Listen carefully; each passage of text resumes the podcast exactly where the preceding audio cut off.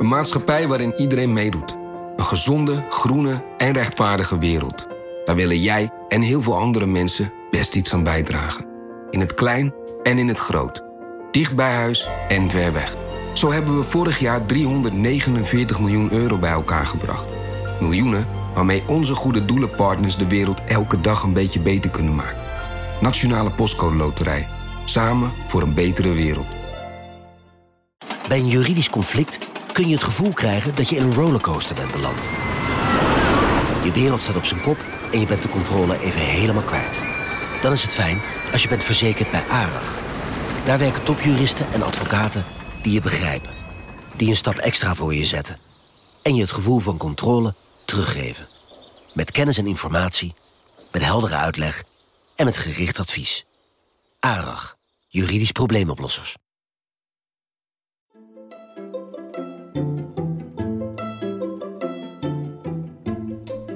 Welkom. Wij zijn Onbehaarde Apen. Dit is een podcast van NRC over wetenschap.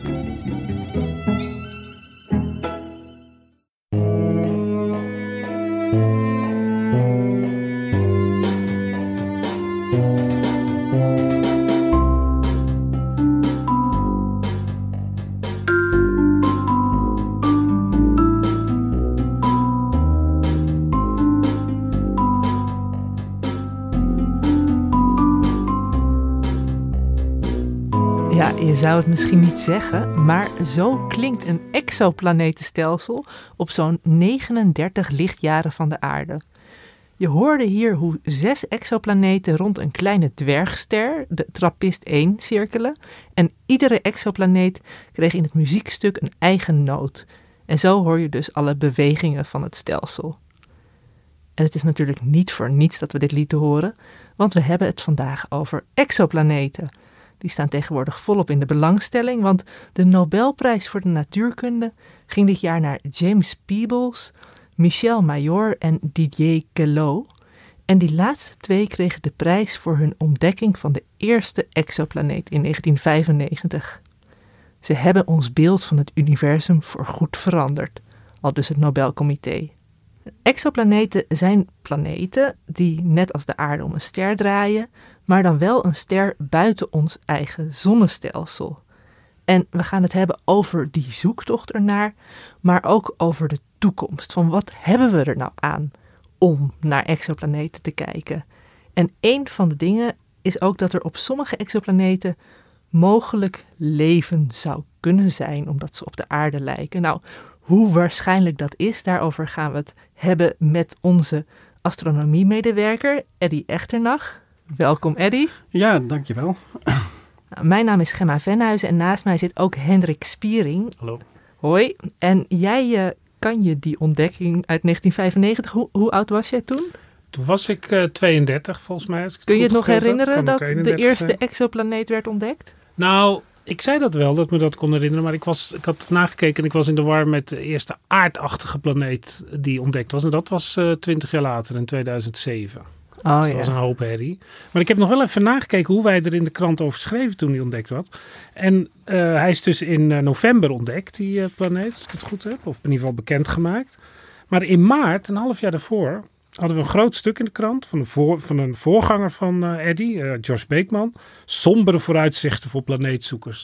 Het was een soort round-up stuk dat het echt, ja, iedereen weet dat er planeten buiten het zonnestelsel zijn. Maar de kans dat we die ooit zullen vinden is waarschijnlijk nihil. Kortom, gooi de handdoek maar in de ring. En dan uh, het volgende stuk is, een half jaar later, opnieuw melding van een planeet bij anders. Want intussen waren er al tientallen nou, ontdekt. Daar heb ik het nog met Eddy over gehad. Er was ook al een gerucht van een andere planeet, maar dat is nooit uh, gematerialiseerd. Ja, ja er, zijn, er, zijn, er zijn voor 1995 ook wel een paar halve ontdekkingen geweest, maar die, uh, die zijn nooit echt helemaal erkend als eerste. Nee. En dus in 1995, de allereerste, heeft hij ook een naam gekregen?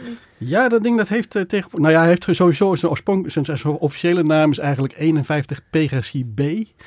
Ja. Dat, betek dat betekent die dat. Nou, die B dat betekent dat. Kijk, dus de, de ster van zo'n systeem krijgt de letter A in principe, die, alleen die gebruik je nooit. Dus die ster die heet 51 Pegasi. Dat betekent dat het een ster is in het sterren, sterren, sterrenbeeld uh, Pegasus. En daar draait dan minstens één planeet omheen. We hebben er tot nu toe pas één ontdekt. En die krijgt dan de letter B. 51 Pegasi B. Ja. En die is dus ontdekt eh, in 1995. Klopt. Maar hoeveel zijn er sindsdien nog bij ontdekt? Ehm, ja, het is altijd een beetje moeilijk. Het, het precieze getal weet ik op dit moment. Het zijn er iets meer dan 4100 op het ogenblik. Ehm, Het is ook altijd zo ingewikkeld, omdat ze, ze hebben dan bevestigde vondsten. ja, dit zijn bevestigde En- oké. fondsen. En, maar er zitten er nog minstens zoveel in de pijplijn. En als, als, als, misschien zijn het er nog wel meer dan dat.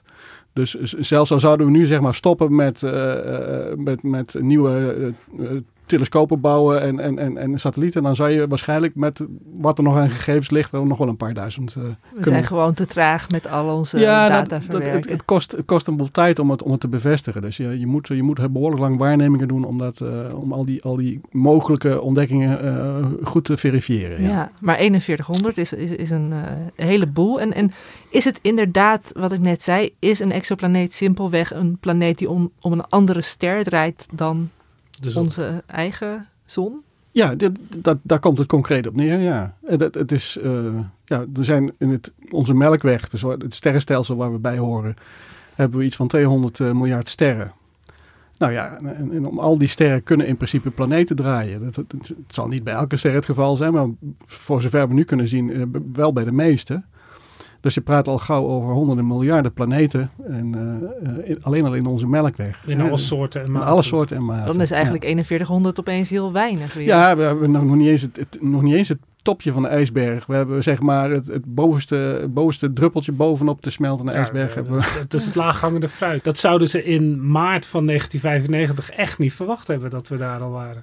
Eddie, je hebt het net over een topje van een ijsberg. Dan denk ik meteen aan een soort eh, ijsplaneten. Maar hoe zien die exoplaneten er eigenlijk uit? Eh, Lijken ze op de aarde? Of? Nou ja, dat, dat weten we natuurlijk niet echt. Ehm, kijk, met de beste wil ter wereld kunnen we van, zo, van de meeste planeten eh, op zijn best de afmetingen of een indicatie van de afmetingen en de massa vinden. En eh, ook wel als je kijkt naar de afstand als, tussen, als je kijkt naar de afstand tussen de ster en de planeet, dan kun je ook wel iets zeggen over zijn temperatuur. Dat zijn eigenlijk de enige dingen waar je eh, iets, iets over kunt zeggen. Dus we weten niet precies hoe die planeten er allemaal uitzien. Maar goed, als je weet hoe zwaar die is en Ja. hoe groot die is, dan Ja. weet je, dit moet, eh Een moet Venusachtige, rotsblokachtige, ja, Ja, of nou ja, Marsachtige. We kunnen in ja. ieder geval onderscheid maken tussen, tussen maar zeggen, eh, laten we zeggen, kleine rotsachtige planeten. Eh, er zitten ook eh, Jupiterachtige planeten bij, zelfs veel groter ook dan onze eigen planeet Jupiter in ons eigen zonnestelsel. Ehm, er zitten eh, wat men ook wel noemt oceaanwerelden of ijswerelden. Dat zijn dan planeten die voor een belangrijk deel uit water bestaan. Hè. Dus zeg maar de, de, de, de, neefjes van eh, Neptunus en Uranus in ons eigen zonnestelsel. Ja, dat dus is, voor heel veel is er wel een soort tegenhanger in ons eigen een heleboel zijn, zijn tegenhangers, maar er zijn, er zijn, er zijn eigenlijk twee uitzonderingen. Dus je hebt eh, wat, wat men ook wel noemt de superaardes. Eh, dat is een klasse van planeten die, waarvan we weten dat ze iets meer massa hebben dan de aarde, op- tot, tot een paar keer zoveel massa hebben als de aarde. En eh, waarschijnlijk rotsachtig zijn. Nou, dat soort planeten hebben we in ons eigen zonnestelsel niet. Want de aarde is de grootste rotsachtige En planeet. dan krijg je dus ook een hele akelige zwaartekracht. Die, ja, die is navenant. Ja, Ja. ja. dus dat, eh, dat, Als die drie keer zo groot is, dan is de, de zwaartekracht negen keer zo groot. Eh, eh, ja, als, ja, precies. Als de dichtheid hetzelfde is. Ja. Ja. als we daarvan uitgaan, ja, klopt. En, eh, en je hebt ook eh, wat men noemt uh, hete Jupiters. En dat zijn eh Jupiterachtige planeten die niet ver van hun ster eh, cirkelen, maar die dat juist heel dichtbij de ster doen. Eh, en Dus daardoor, een soort Venus dan. maar ja, maar dan veel groter en, en zwaarder. En, ehm, Ja, gewoon Jupiter in de baan van Mercurius. ja, maar. ja, Kunnen we ons ja niet voorstellen en, en nog dichterbij hoor. Ja. Dat, dat- zijn echt hele bizarre objecten, die hebben we hier ook niet. Maar goed, dat zijn eigenlijk maar hele grove, gro- grove kenmerken. We- we- we- Het fijne weten we er niet van. Hè. Dat, dat is eh, nog, nog, lang, nog lang niet Maar nou heb ik een kritische vraag, Eddy. Hoe zit het met de bruine dwergen? Zijn dat ook exoplaneten of niet? Nee, bruin, bruine dwergen, dat zijn, dat zijn geen, geen, geen planeten. Het zijn ook geen sterren. Eh, die zitten er eigenlijk een beetje tussenin. Ehm, die zijn ook wel met dezelfde technieken ontdekt hoor. Maar ehm, eh, het, het, zijn sterren, in feite sterren die net niet genoeg massa hebben om uh, kernfusiereacties in hun kern uh, op te kunnen wekken. geen licht. Dus ze kunnen niet volop stralen zoals onze zon dat doet. Daar komt het eigenlijk op neer. Maar ze geven wel wat warmte en, en zo. Maar het is niet. maar ze hebben dus geen vast oppervlak of iets. Maar die gelden dan niet als exoplaneten? Nee, die, die vallen niet. Je wil gewoon je kennis even etaleren volgens mij dat je dat woord kent, hè, Hendrik? Ja, zijn er hey, nog witte dwergen? Even ja, gaan we het een andere keer over hebben. Uh, even terug naar die 51 PKC-B. Um, we noemden het al, is ontdekt door de Zwitserse wetenschappers Michel Major en Didier Queloz. En dat gebeurde in een observatorium in het zuiden van Frankrijk. The Haute-Provence Observatory It lies in the middle of this hilly landscape close to the village of Saint-Michel Observatoire in the south of France. It's here that two Swiss scientists made one of the most exciting discoveries in the history of astronomy. They found the first planet outside our solar system. If the star moves towards us, the light emitted becomes bluer. Moving away, it's redder just like the whistle tone of a train changes as it comes towards us, then moves away.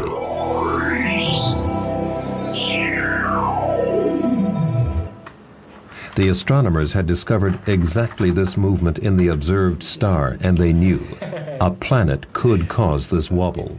Ik vind dit echt een veel leuker muziekje dan het muziekje aan het begin. Ik wou net zeggen, dit is wel de aflevering met de spectaculaire geluidsfragmenten. Ja. Maar um, ja, wat mij naast die uh, geluiden opviel, Eddie, ze hebben het over een wobbel. Wat bedoelen ze daarmee? Nou, de techniek waarmee die allereerste uh, exoplaneet is ontdekt, is eigenlijk gebaseerd op het feit dat een ster nooit helemaal in, in, rust is, zeg maar, in het middelpunt van zijn eigen stelsel. Als je vanuit uh, een planeet ver hier vandaan naar ons eigen zonnestelsel zou kijken, dan zou je onze zon ook niet uh, perfect stil zien staan. Dat komt omdat er draaien allemaal planeten omheen en die staan niet altijd allemaal aan dezelfde kant. Dus het massamiddelpunt of het zwaartepunt van dat planetenstelsel, dat verandert voortdurend. Het ligt wel binnen de zon nog, maar de zon draait er in feite een rondje omheen. Dus je krijgt, je krijgt een soort schommelbeweging. En dat geldt voor andere sterren ook. Zodra uh, een, een, ster een regelmatige schommelbeweging vertoont, dan is dat een belangrijke aanwijzing dat er planeten, of uh, minstens één planeet en misschien wel meer planeten omheen draaien. Ja, want hier hebben ze dat dan met, de, met een soort spectrometer. Het licht wordt dan iets roder, iets blauwer. Dat is maar een heel klein effect. Ja, het is maar een heel klein effect. Het is in, in de orde van meters per seconde. Dat is dus zeg maar een afwijking in wandeltempo, zou je kunnen zeggen. Dus dat is een hele kleine afwijking. En dat heeft ook best een tijd geduurd voordat ze apparatuur hadden die nauwkeurig genoeg was om dat uh, te kunnen meten. En, uh, dus het is ook een technische overwinning dat dit toen Nou ja, je, je, bent op een gegeven moment de eerste met een, uh, een het goede apparaat. Met, met, het goede apparaat. Dat is niet helemaal toevallig Michel Major geweest die dat heeft ontwikkeld. Want die was in de jaren daarvoor al betrokken bij een ander soort onderzoek naar zogeheten dubbelsterren. En, uh, dan, en dan met name de zogeheten spectroscopische dubbelsterren. Want dan heb je ook een enorme wobbel, want dan is er niet een planeet. want dan, draai, dan rijden twee, twee sterren om elkaar heen. Hè? En, dan, en dan zodanig dicht bij elkaar dat je ze niet afzonderlijk kunt zien door een telescoop. Maar hoe weet je dan of je met een exoplaneet of met een dubbelster te maken hebt? Nou, dat zie je aan de, aan de, aan de grootte van de, van, de, van de uitslag van de, van de wobbel, zeg maar. Dus als je een heel klein beetje geschommel hebt, ja, dan, is, het een planeet. Ja. Maar dan vind ik het alsnog knap dat ze al die verschillende soorten en groottes en zo kunnen onderscheiden. Dat je dan opeens toch een superaarde van een gewone aarde kunt herkennen. Ja, maar dan, dan moet er nog iets bij. Want uh, uh, als, je, als je alleen maar de wobbel hebt, dus alleen maar de schommeling hebt dan kun je eigenlijk alleen maar iets zeggen over zijn massa. Dan weet je nog niet hoe groot die planeet is. Want je kunt op grond van het licht zien hoe zwaar die ster ongeveer is. Ja, dat doen ze meestal met. Ja, ze kijken naar het soort. Ze kijken naar het licht van die ster. En dan weten ze van nou, dit soort sterren die hebben doorgaans uh, deze massa. Uh, dus dat, daar, daar, hebben ze wel een goede indicatie En als er iets is wat hem zo moet bewegen, dan moet het dan, zo zwaar zijn. Dan moet het die en die massa hebben, inderdaad. En, dan, en op die manier kom je achter, achter de massa van zo'n planeet. Maar op dat moment weet je nog niet hoe groot die is. We hebben dus ook van heel veel planeten weten we alleen de massa. Mm Um, Oh, die, grootte van, die, eh, van zo'n exoplaneet zie je alleen maar via, met behulp van een andere techniek. En dat noemen ze dan eh, de, ook wel de transit techniek. Eh, in het Nederlands heet zo'n transit heet een planeetovergang. Of, of- ja, een planeetovergang. En dat betekent... Een soort trein over de sporenweg. Ja. Ja, nou, het betekent dat zo'n planeet vanuit, vanaf de aarde gezien toevallig tijdens elk rondje om zijn ster voor zijn ster langs schuift. Dus dan zie je, Mhm. als het, als het, we zien die planeet niet, maar we zien wel dat het licht van die ster eh, Een gelijk, soort klein... eh, een klein dipje maakt. Er wordt, hij wordt net eventjes een, een soort, soort mini-zonsverduisteringetje zou je kunnen zeggen. Hij wordt net eventjes wat minder helder dan die, dan die eh, daarvoor was. Du- Dus allerlei andere planeten, die, waar we planetenstelsel waar we toevallig van de onderkant tegenaan kijken. Want Ja. er is natuurlijk geen regelmaat in die dingen. Ja. De- dus maar een- alleen die sterren kunnen we bekijken op hun planeet. Als ze er toevallig net langskomen, vanuit ons gezien. Uh, ja, dan moeten we dus tegen de zijkant. Ja, van- precies. Ja. Tegen de zijkant, niet tegen de onderkant. Tegen de Nee, zijkant. ja, dat is de hoek die wij ten Ja, opzichte... ja dat is, dat is, het, het is, je hebt wel een beetje marge, hè, want hij mag een beetje bo- boven het, eh, de evenaar van de ster langs trekken of een beetje eronder. Dus je hebt, ik meen dat het percentage iets van, eh, afhankelijk van de, het is ook nog afhankelijk van de afstand van de planeet tot de ster. Maar goed, eh, zeg maar zo'n zo, zo'n zo'n 10% van de, van de sterren zou je op die manier Ah, eh, eh, een, een, een Dat exoplaneet... vind ik nog veel. Ja, Ja, maar goed, ze, ze moeten er eerst ook nog maar eens zijn. Want, dit gebeurt nog altijd op deze manier, ook het waarnemen. Ja, dat zijn eigenlijk nog steeds de twee belangrijkste methodes. De, de, de, de, de, de transit-methode die is eigenlijk eh, verreweg de belangrijkste geworden, met name door allerlei eh satellietwaarnemingen. We hebben een aantal jaar geleden de Kepler-satelliet gehad. Die is inmiddels uitgevallen, maar die heeft wel ontzettend veel exoplaneten ontdekt. Juist doordat hij gewoon uit die kleine helderheidsveranderingen van sterren kon zien van, hé, hey, dat trekt een planeetje voorlangs. En daar zie je dan de grootte aan. En daar zie je de grootte aan, maar dan En- weet je de massa niet. Nee, die haal je weer uit de wobbel. Maar hoe weet je dan hoe ver die van de ster af is?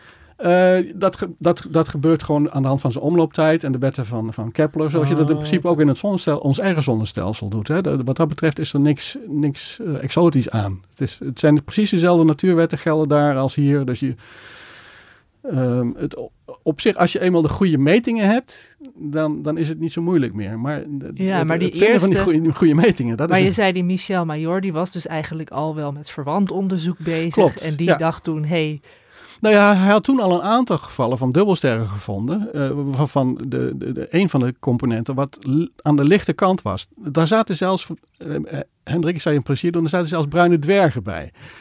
Ehm, en dan, dan weet je gewoon van als ik nou een, eh, de telescoop die hij destijds kon gebruiken, die was, eh, het, instrument, het meetinstrument was niet, niet gevoelig genoeg om dat onderscheid te kunnen maken. Dus toen is hij met, eh, met Kilo een, een betere Ja, precies. een spectro- een spectrograaf gaan meten, gaan maken. Elodie geheten.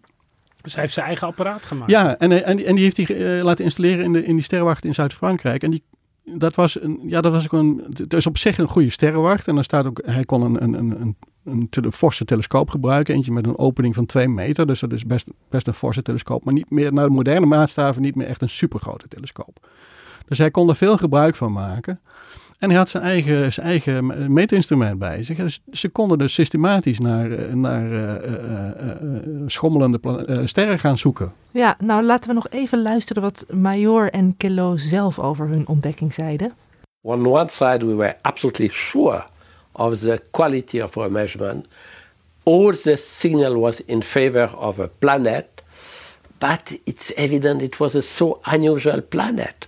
And really thought at that time, oh, there is something really bad in the software on the instruments, and I better to figure out because otherwise my PhD would be compromised. The real moment where we, we had the confirmation of the reality of 51 Peg was really a planet was in July 95.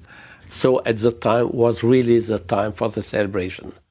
Ja, bijna 25 jaar geleden is dat alweer. Maar alhoewel zij de eerste waren die daadwerkelijk een exoplaneet vonden, waren ze niet de eerste die bezig waren met de mogelijkheid eh, van het bestaan ervan. Want wanneer begon die zoektocht eigenlijk, Eddy? De fysieke zoektocht bedoel je? Of, of, of, of in gedachten? Want dat, dat, dat, Laten we het eerst even met de, met de filosofische zoektocht. Ah, oké. Nou, dat, dan, moet je, dan moet je al heel ver teruggaan. Want eh, in feite is het, is het al uit de, uit de tijd van de, eh, in de tijd van de Grieken dat er, dat er mensen zijn eh, die speculeren over het bestaan van grote aantallen, zo niet oneindige aantallen werelden met eventueel ook bewoners erbij. En dat, dat, dat, dat gebeurde dan dat onder het kopje, dat, dat klassificeren tegenwoordig onder het kopje kosmisch pluralisme. Maar het is toch onvoorstelbaar dat je dus al een abstractievermogen hebt om je eigen land, planeet als planeet te, te, zien en dan te bedenken, er moeten dus nog meer van dat soort planeten zijn. Ja, dat zou je, ja, dat, dat, Daar kom je niet zo makkelijk je moet, je moet een behoorlijke denksprong maken, dat, dat ben ik met je eens. Het, het had er misschien ook wel een beetje mee te maken dat de, de gevestigde orde in die tijd, uh, mensen als uh, Aristoteles en Plato, die waren er heilig van overtuigd dat de aarde in het middelpunt van het heelal stond en dat het, de aarde perfect was en alles wat erboven gebeurde was imperfect en noem maar op. Dus die waren echt, dat, dat was een heel ander soort filosofie en die, die was zo dominant dat je altijd wel een soort rebels... Je krijgt reacties, ja. Ik, ik, ik, weet niet of je dat helemaal kunt vergelijken hoor, maar eh, eh, je moet natuurlijk uitkijken met het projecteren van, eh, van wat er in de moderne wereld gebeurt op, op de tijd van de oude Grieken. Maar um, ja, het is wel zo dat, dat, dat ja, er zullen ongetwijfeld minderheidsstandpunten zijn geweest. En, en dit was er dan één van. Um, het, het, grappige is dat in de, in de westerse wereld is dat kosmisch pluralisme pas weer veel later opgekomen. Want wanneer kwam het toen? Uh... Nou, er zit, er zit nog een stapje tussen eigenlijk. Het, het, het, het grappige is dat uh, in, de, in de islamitische wereld uh, vind je al wel uh, sporen van dat pluralisme. Al heel vroeg, al zeg maar in het eerste millennium van, van onze jaartelling. Ja, want die bouwen heel erg voort op die klassieke wetenschap. Ook die, bouwen, die, die hebben ook veel van de, van de kennis van de Grieken hebben ze overgedragen uiteindelijk. Zij, zij zijn de doorge, doorgeverluik, doorgeverluik geweest. Maar in, als je in een van de spookjes van Duizend en één Nacht bijvoorbeeld, daar speelt een, dat gaat geloof ik naar een zoektocht naar een kruid, kruid der onsterfelijkheid. En uh, dan, dan, gaat de hoofdrolspeler, die bezoekt allerlei werelden. En dan zitten dan ook werelden bij die veel groter zijn dan die van hemzelf. Echt waar, dus de exoplaneten, die speelden gewoon al een rol in de sprookjes. Ja, ja, die speelden toen al een rol. En, en bij ons is dat pas in de tijd van, het, uh, in de tijd van Copernicus weer, weer, weer Ja, maar het was natuurlijk eigenlijk ook... Uh, het mocht helemaal niet om überhaupt... Te, hoe zeg je dat? Het was een godspel om dan... Nou, dat viel mee hoor. Nou ja, ze zeggen wel van. Uh, kijk, een heel bekend voorbeeld is natuurlijk Giordano Bruno, die in, in, in, eh, in, de, in de 16e eeuw leefde. Ja, eind 16e eeuw. En die. Dat was een Italiaanse. Dat, dat was een Italiaanse filosoof. Ik, ik, meen dat hij zelfs ook uh, priester was, of in, ieder geval, ja. in ieder geval kerkelijk. En um, hij hij sprak van oneindige aantallen werelden uh, met, uh, met, met, met uh, hè, dus, of in ieder geval ontelbare sterren waar dan planeten omcirkelen. Ja, hè? Dus, onvoorstelbaar, ja. dat, dus dat is, dat is best wel een, een uitspraak in die tijd. Het werd hem ook niet echt in dank afgenomen. Het is overigens niet zo dat hij op de brandstapel is gekomen uiteindelijk omdat hij dit beweerde. Nee, maar dat, vanwege de drie-eenheid. Ja, dat, precies. Dat, lag toen heel hij, hij ontkende de, de goddelijke status van Jezus. En dat, ja. uh, dat was natuurlijk... Dat was toen erger, dat dan zeggen dat er exoplaneten... Ja, Noemde hij het ook al exoplaneten? Nee, nee, nee, nee. nee. Die term die is echt, uh, echt modern. Ja. Bleven, bleven zijn ideeën daarna voortleven? Waren er anderen die hem gelijk gaven, die ook over exoplaneten praten of schreven? Nou, ja, in zekere zin wel. Uh, um, je, je, hebt op het moment dat de, de Copernicus zijn, zijn Revolutionibus uh, heeft schrijft en de, uh, eigenlijk het, het, daarmee het ons heliocentrische wereldbeeld vestigde, zie je dat er mensen ook echt vrij, vrij uit gaan nadenken over deze vragen. En dat, dus dan dus spreek je van 17e eeuw? Dan praat je al over de 17e eeuw. Hè. Mensen als, als, als Christian Huygens bijvoorbeeld, die dan een boek schrijft dat de Cosmotheos heet. En dat gaat, ook, dat gaat voornamelijk over ons zonnestelsel hoor. Maar daarin zegt hij gewoon van ja, uh, ook de andere planeten van het zonnestelsel zouden wel eens bewoond kunnen zijn. En hij geeft ook uh, ideeën over van hoe je dat moest voorstellen. Um, en dat, dat, dat krijgt eigenlijk het, ja, dat, dat, dat, er komt eigenlijk een golfje van dit soort publicaties, zou je kunnen zeggen. Maar je krijgt wel de indruk dat uh, iedereen heeft zijn handen vol aan het eigen zonnestelsel. Zeker, ja, want, want, want Ja. er is niet een, een Nee. actieve... Ik bedoel, je hebt de kometen, de Ja, meteorieten. dat was al dat was allemaal al onbegrijpelijk wonderlijk eigenlijk. genoeg. Ja. Ja. het is niet zo dat er heel specifiek naar andere sterren werd gekeken om daar planeten te zien. Hè. Dat kon ook toen ook nog helemaal niet. De telescopen van, des, van, de, van de 17e, 18e eeuw waren ook helemaal niet in staat Daar kon om, je echt eh, geen schommeltje van Nee, daar kon je geen schommelbeweging mee. Nee, dat, dat, dat, dat idee dat dat zou kunnen, dat ontstond eigenlijk pas een beetje in de loop van de 20e eeuw. Dus ver voor 1995 dan alsnog? Of kort voor Nou, 1995? in theoretisch opzicht eh, b- was het eigenlijk rond 1950 wel duidelijk. Er was, was toen al een astronoom, eh, Otto Struve, dat was een eh, Amerikaan van Duitse afkomst.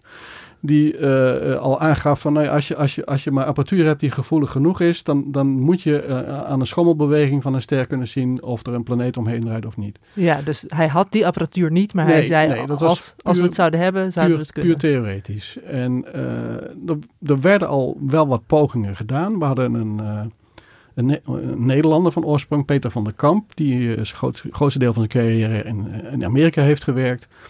Die, die had nog niet zo'n speciaal apparaat, zo'n spectroscoop, zeg maar, waarmee die, die, die schommelbewegingen van een ster eh, aan het licht eh, kon herkennen.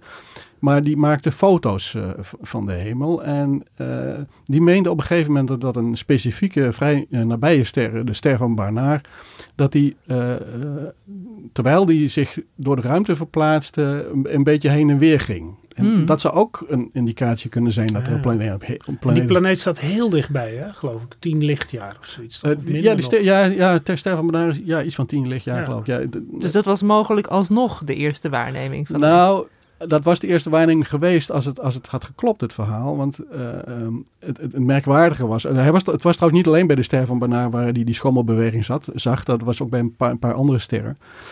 En ehm, eh, het rare was dat zijn collega's van andere instituten... die probeerden dat te reproduceren, dat verhaal. Maar je moet je, moet je, ook, je, moet je wel ook wel, wel indenken dat je... In die tijd moest je, had je eigenlijk maar één wapen als astronoom. en Dat was, was de fotografische plaat. Dus wat je, wat je deed was eh, van zo'n sterren dan heel regelmatig eh, foto's maken. En dan eh, moest je die over elkaar heen leggen. En dan kon je zien of zo'n ster Ja. een rare schommelbeweging Het werd maakte. allemaal met de hand. En in, daar eh, met de hand uitgemeten ja. en dat soort dingen. Maar het allerergste was nog wel dat eh, eh, die collega's die konden dat op dezelfde manier dus niet reproduceren, die, eh, die schommelbeweging van die ster van Barnard. Dus dan was dat, al, dat was al een teken dat er iets niet, niet in de haak was. En later kwamen ze erachter dat de schommelbeweging eigenlijk altijd plaatsvond op het moment dat iemand aan de lens van de telescoop had zitten morrelen. Oh, Dus dan was die, was die anders afgesteld of Ja. ze, ze hadden hem eruit gehaald en schoongemaakt en weer teruggezet. En er was net dat, maar dat kleine dat- verschil dat- mat die van de kant Ja, dat, is. dat, dat kleine verschilletje, dat was net genoeg om, om, om, om op de plaat iets te krijgen wat op een schommelbeweging leek. ja, Van de maar- Kamp zelf heeft dat, heeft dat nooit de, eh, k- willen inzien dat dat het de oorzaak Maar was. hij heeft is- ook ge- geen Nobelprijs gewonnen. Nee, maar het gra- grappige is, hij is wel in 1995 overleden. Eh, voor of na de bekendmaking? Ehm, nou ja, die, beken, die bekendmaking was, nu- dat zal ervoor zijn geweest, eh, gok ik. Eh, maar ja, maar ik denk dat hij dat zelfs dan nog niet had toegegeven. Nee. Nee. Het lijkt een beetje op een verhaal wat jij wel eens geschreven hebt. Dat volgens mij in Australië een radiotelescoop ineens allemaal hele gekke geluiden ontving. En dat ze erachter kwamen dat dat meestal tijdens de lunch was. Ja, ja, ja, over En die dat- magnetron. Ja, ja, een, lekker magnetron in de, in de Ja. kantine te ja, staan. Ja. sterrenkundigen zijn ook maar mensen, Ja. denk ik dan. Ja, Ja, ja. Het, het grappige is achteraf natuurlijk, is dat, dat, dat de ster van Barnard is uiteindelijk nog wel een, een planeet ontdekt. Ja, dat vroeg ik me af. Ja, Maar- dus die heeft wel een exoplaneet. Ja, maar dat was een superaarde. Die is heel klein en eh, eh, relatief klein in ieder geval. Veel, veel te klein om een schommelbeweging bij die ster te veroorzaken. Dus dat, dat hele verhaal, dat, eh, dat kan de prullenman. Nee, het is dus in. echt, echt, echt niet zo dat Nee. Van der Kamp het al had Maar je kijkt hier dus ook wel even recht die wetenschapsgeschiedenis in. Zo van de kamp die dan, ja, het had kunnen kloppen. Het was dan dat die, dat die, dat Ja. ze aan die telescoop hadden ze te frieken. Ja. Maar ook die eh, Major en eh, die ander, dat, eh, die Quello, dat, ja, nu hebben ze gewonnen. Ja, maar Voor die, hetzelfde geld, het was allemaal kantje boord. en ze kunnen Zo- ook profiteren van de, de verbeterde techniek. Ja, maar Ja. het, Nou ja, het die was ook niet ze zelf- vanzelfsprekend. Maar ze Jo het en. Kilo, hadden die techniek zelf in feite Ja, geperfectioneerd. maar, hè. maar het Dus is het inderdaad alsnog, weet je, is- maar eh, honderd jaar geleden hadden ze Nee, dat niet kunnen nee, voortbouwen. nee. Nee, nee, nee. nee. Ze, dus ze hebben, ze, hebben, ja, ze hebben geprofiteerd van, eh, als eerste geprofiteerd van de, van de voorschrijdende techniek. En Die ze zelf ontwikkeld hadden. die dus ze dat is ook wel zelf ontwikkeld hadden Ja. in feite, ja. ja. Hey, en wat hebben we nou eigenlijk geleerd van al dat zoeken naar exoplaneten? We hebben de 4000, Eddie. Ja, klinkt heel vermoeiend. hebben we iets geleerd? Misschien moet ik het zo vragen. nou Behalve ja, dat we weten dat er exoplaneten zijn. Wat toch al heel wat is natuurlijk. Het, het, is, het is natuurlijk zo, 4000 exoplaneten lijkt heel wat. Maar het, het gaat om, eh, 4000 exoplaneten gaat om, eh, ik geloof, iets van 2500 sterren. Dus eh, we hebben eigenlijk nog niet heel veel complete planetenstelsels. Dat zijn, er zijn een paar uitzonderingen. Dat is bijvoorbeeld die Trappist-ster waar, waar dat eh, muziekje vandaan kwam. Dat is, eh, ontdekt, die is ontdekt, eh, dat stelsel is ontdekt door een, een Belgisch team. Vandaar de vandaar, naam ja. trappist. Het is, de een, het is een afkorting. Het, maar het is een afkorting, maar maar vraag me in heel gezocht. Heel niet gezocht. waar het voor staat. Het is een verschrikking. Maar eh, dat is een, ja, dat, dat is een, een- een- ik geloof dat er inmiddels zeven van bevestigd zijn, eh, eh, ze- zeven planeten. En dat is een kleine ster met, met een, he- een heel, heel, heel kliekje ster, eh, pla- planeten eromheen. En daarvan weten we, ja, daar, daar kun je wel redelijk van op aan dat het een vrij complete verzameling is. Misschien dat er nog een achtste of een negende bij komt, maar daar, daar heb je echt al een stelsel. Maar van de meeste, plane- van de meeste sterren, daar hebben we dan één planeet. Of Ja, er zijn heel veel puzzelstukjes die ontbreken eigenlijk. Dus die puzzel is nog lang niet compleet. Maar waarom is het belangrijk dat we een heel eh, planeetstelsel hebben dan? Nou, kijk, we hebben natuurlijk ideeën over hoe ons eigen zonnestelsel is ontstaan. En eh, hoe, hoe dat ongeveer in zijn Ah, werk ja. is gegaan. En ehm, je, je wil graag eh, bevestiging zien dat het een universeel mechanisme is. Dat ons zonnestelsel, eh, zeg maar, ja, dat het een, een- normaal zonnestelsel Ja, dat is toch Dus dat altijd- zou het nut kunnen zijn van zo'n zoektocht. Ja, Dat je vergelijk eh, hebt. je, Maar dat je- is ook wel leuk, want je- de, ons zonnestelsel is zo netjes. Alle zware eh, steenplaneten zitten bij de Ja. zon. En daarnaast komen alle gasplaneten. En dan heb je nog de ijsplaneten. Ja, Het dus is- je wil dat met die exoplaneten ook... ja, meer- dat, is- maar dat, eigenlijk hoor ik net dat het niet zo is met die super Jupiter Nee. die dan heel dichtbij Nee, staat. nee, we weten nu al dat er, dat er hele andere soorten stelsels zijn. Waar je op een, op, een, op een afstand die kleiner is dan de afstand Mercurius-zon. Dat je, eh, dat- je daar een, een kolossale planeet eh, rond zo'n ster eh, draait. Ja, en is dat niet, botst dat niet met al onze gedachten? als- Ja, tenminste, zo is het ons zonnestelsel in ieder geval niet in elkaar. Dus wat we alvast geleerd hebben is dat het, het planeetvormingsmechanisme zoals we dat ons, ons voor ogen hebben, dat dat in ieder geval zodanig complex is dat het aantal uitkomsten eh, enorm ka- kan variëren. Hè? Dus je, je, je weet gewoon eh, dat er heel andersoortige planetenstelsels zijn. Ja, en dat dus de, dat, dat die gasplaneten bij ons netjes op een rijtje eh, buiten de steen.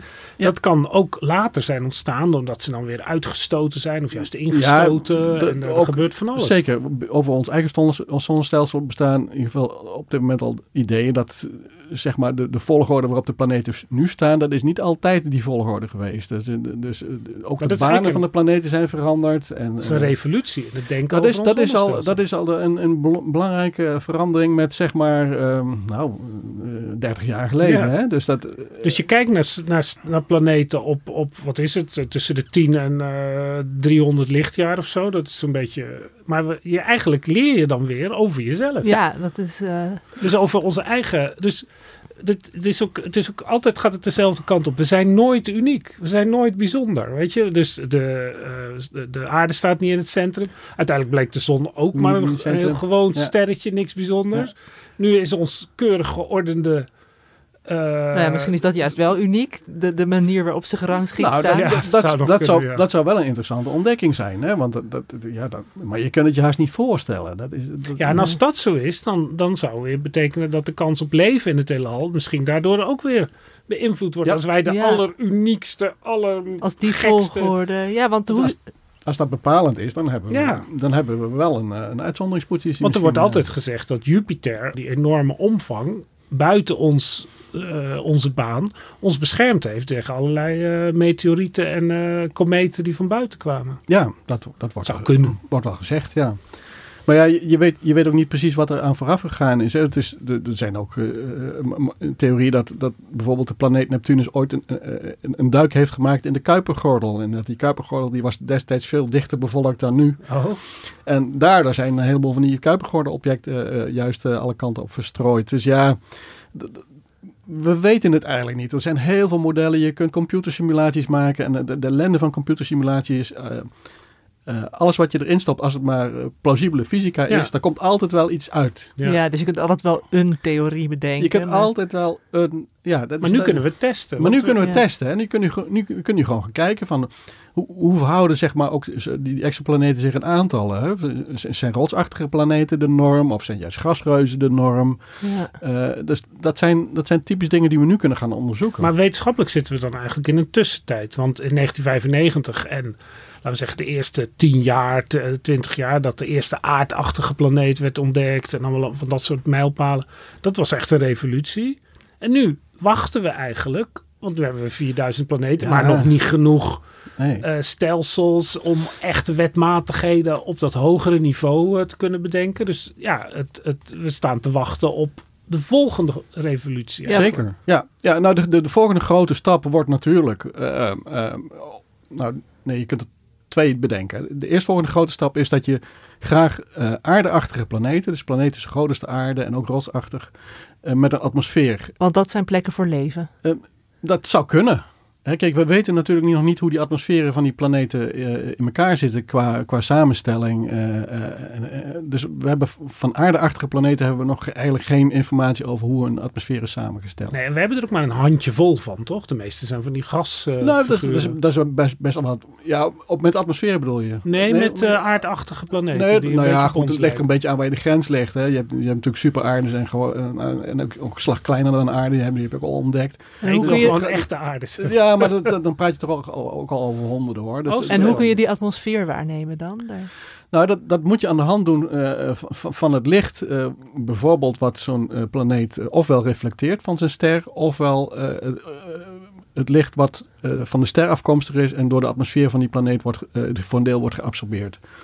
En dan kun je het, het spectrum, eh, zie in het spectrum van zo'n eh, van zo'n ster zie je dan bepaalde absorptielijnen, no- noem men dat. Dat zijn plekken op bepaalde golflengtes, bepaalde kleuren, waar een stukje licht ontbreekt. Ja, dus, dus wacht even. Die laatste, daar heb ik wel eens van gehoord. Dan heb je de, de, de, de, de planeet gaat voor de zon langs. of voor de ster langs. Ja, En je weet wat voor licht er van die ster afkomt. Met bepaalde kenmerken. Klopt. Die gaat, valt dan door het kleine randje atmosfeer. Ja. En dat stukje kun je dus opvangen. Zou je in de toekomst. in de toekomst. Ja. Dat, dan, dan de apparatuur zijn we nog niet hoor. Nee, maar dat zou dan moeten kunnen. Ja. En uit, die, uit het verschil tussen het licht wat je normaal van die ster krijgt en het stukje wat door de, as, door de eh, atmosfeer valt, kun je gaan uitrekenen. Dan kun je zeggen, hé, er zit heel veel helium of, of, of, of zuurstof of whatever in die atmosfeer. Ja, en dat is dus één stap, maar je zei dat er nog wat... Nou ja, je, kon ook, je kunt ook zien aan, zeg maar, aan, het, aan het licht dat zo'n planeet reflecteert. Hè? Want, Maar dat vind ik onvoorstelbaar. nee, Dat- want, want,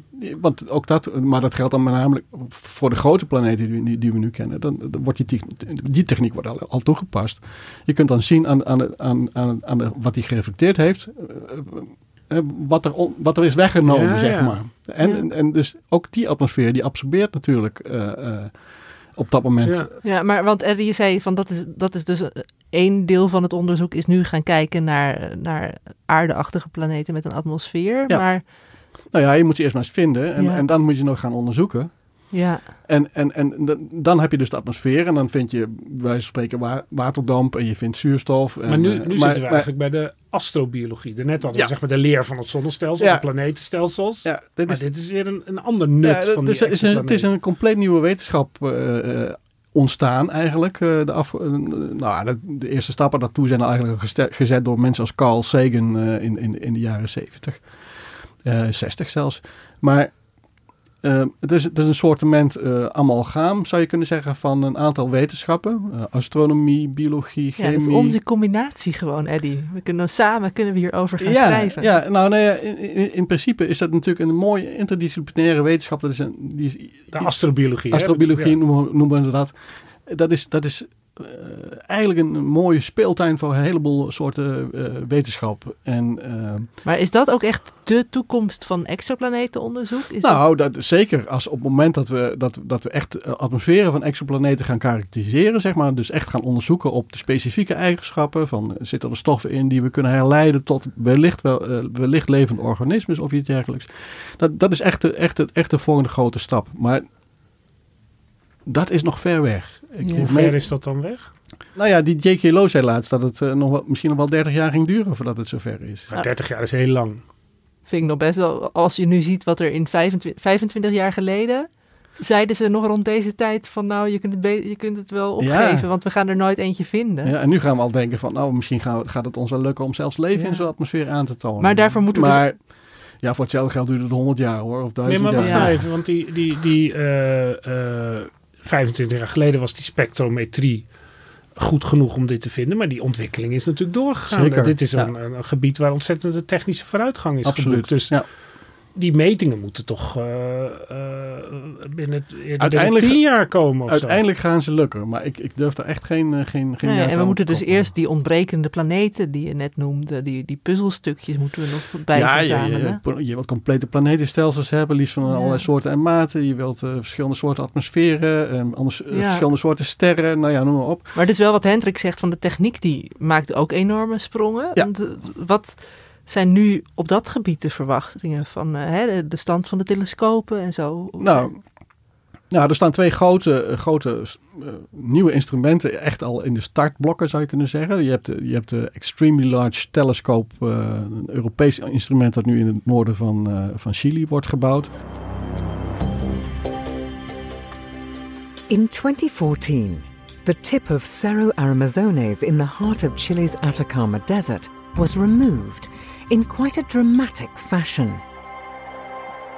The result was a flat plateau, representing the very first stage in ESO's most ambitious project yet constructing the European Extremely Large Telescope, or EELT for short. A main mirror, 39 meters across, and a protective dome almost 80 meters high, will make this one of the biggest astronomical projects ever undertaken. Truly an extremely large telescope. Weer lekker muziekje erbij. Ik Ja. hoor Een soort lava-bubbels op het einde. Ja. Hey, het ISO, waar staat dat voor, Eddie? Dat, ESO, dat is de European Southern Observatory, oftewel in goed Nederlands de Euro- Europese Zuidelijke Sterrenwacht. In Chili. In Chili, ja. Die Ja, maar Daar is het donker genoeg. Daar heb je fantastische sterrenhemels en eh, daar is het, eh, dus dat is eigenlijk een van de ideale plekken op aarde om een telescoop neer te zetten. En zeker als die zo'n eh, zo, zo'n groot, een duur instrument als de ELT, zoals ze het dan kortweg ook wel noemen.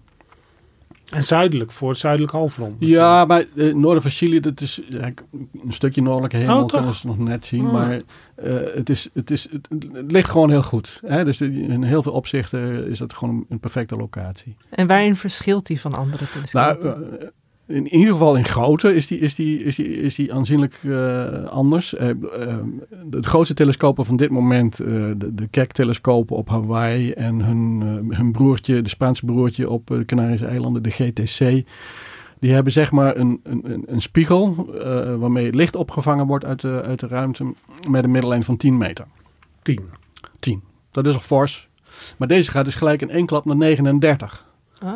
En dan moet je, moet je ook nog bedenken, dat is dus bijna vier keer zo groot. En het op, oppervlak van zijn spiegel gaat natuurlijk in het kwadraat. Ja. Hè, dus dan de, 16 keer 16 zoveel keer licht. veel licht kan die opvangen in, in, in, één keer. In en één kun je keer. er niet meteen een van eh 100 diameter bouwen? Eh, ja, als je, als je iemand 100 vindt, meter, iemand vindt die dat wil, wil betalen, dan... De kosten gaan met het eh de Ja. derde machtswortel Ja, die omhoog. waarschijnlijk, ja. Macht maar hij deze- vangt deze- dus meer deze- licht op? Deze zou oorspronkelijk eh, bij, bij geloof, ik- geloof ik zelfs 100 meter eh, zijn geworden. Maar dat, Geld was op. het geld was op, ja.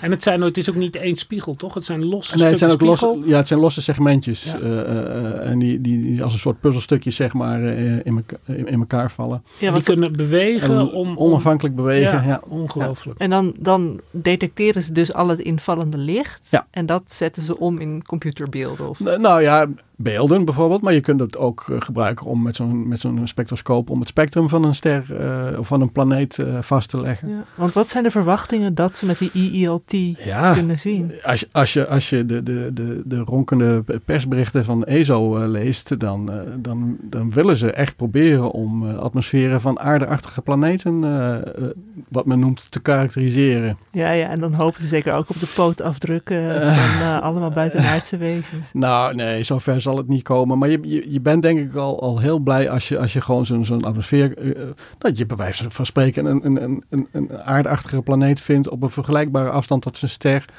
Met, met een atmosfeer die net, net zoveel stikstof heeft als, als de onze. En, en, en, en misschien zelfs ook wel zuurstof en methaan en dat soort dingen. Ja, want je noemt zuurstof en methaan. Want ik heb begrepen dat je dus als je astrobioloog bent, dan zoek je naar signalen in een atmosfeer Ja. van stoffen die niet van nature op peil blijven. Ik bedoel, Nee, in, het, nee, in- zuurstof- in het wild kan er wel eens methaan ontstaan, maar dat Zeker. verdwijnt dan weer. Ja, want ja, onder invloed van de straling van de ster bijvoorbeeld wordt het afgebroken. Z- zuurstof eh, gaat heel makkelijk verbindingen aan met allerlei stoffen. Dus eh, je kunt, ja, er zijn combinaties waar je kunt zien van nou, in ieder geval kunt denken dat er iets, Ja. iets Dat het door planten ja, geproduceerd bijvoorbeeld. of door- Hè? Maar zo simpel is het allemaal niet hoor. Want eh, ze, ze, ze hebben wel eens nagegaan dat eh, het leven op aarde produceert, ik geloof iets van duizenden, duizenden verschillende gassen in, in, in allerlei verschillende hoeveelheden, of voornamelijk kleine hoeveelheden ook nog.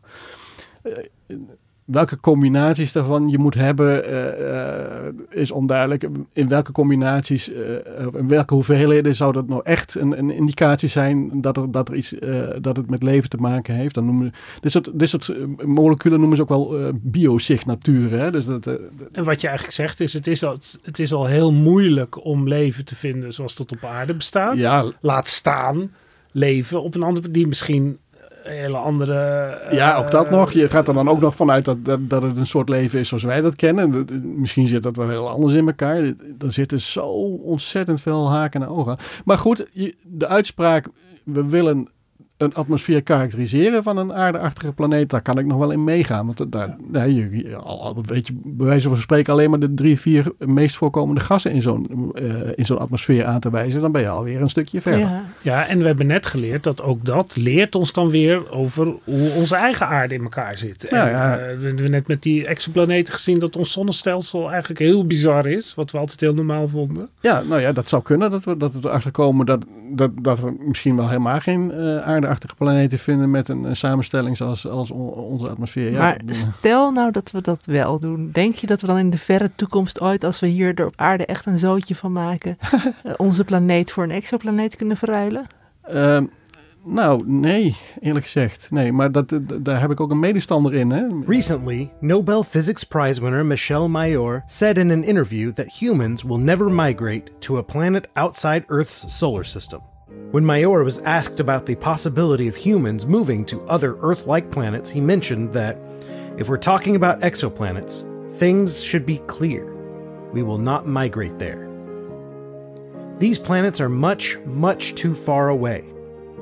Even in the very optimistic case of a livable planet that is not too far away, say a few dozen light years, which is not a lot, it's in the neighborhood, the time to go there is considerable. Using the technology we have today, it would take more than hundreds of millions of days to reach the nearest exoplanet. Dat zijn zulke absurde afstanden, daar kunnen we ons, daar kunnen we ons met ons brein niet bij gewoon. Er is een reisje naar Mars, is daar echt niks bij. Nee, de, de Mars is al een ellende om te komen. En, en, hè, dus laat staan eh, een, iets wat, wat, wat, eh, wat is het, 4 biljoen eh, kilometer verderop Ja. eh, gebeurt. Nee, dan moeten we eh, in ieder geval, als we, als we het planeet in, in, in, in het huidige tempo eh, blijven verpesten, dan komen we daar niet meer aan toe, denk Nee, ik. dus we kunnen eigenlijk maar beter ons toch richten op het goed zorgen voor de aarde. Dat eh, lijkt me Sowieso. sowieso een goed plan. Ja. Nou, met eh, die focus weer op onszelf, toch een beetje een geocentrisch wereldbeeld, eh, zijn we weer aan het einde gekomen van deze podcast. Nou, Eddie, dank je wel voor je aanwezigheid en je mooie verhalen. En Hendrik, jij ook weer bedankt. Misha, bedankt voor de productie. En ook bedankt natuurlijk aan het Dudok Kwartet. En jullie als luisteraars, heel fijn dat jullie weer naar ons wilden luisteren. Wij waren Onbehaarde Apen en volgende week zijn we er weer. Met een oude vertrouwde stem waarschijnlijk weer terug in ons midden. En eh, zelfde tijd, zelfde plek. En vergeet je tussentijds niet te abonneren en je vrienden en je collega's en je familie te vertellen over onbehaarde apen. Tot volgende week.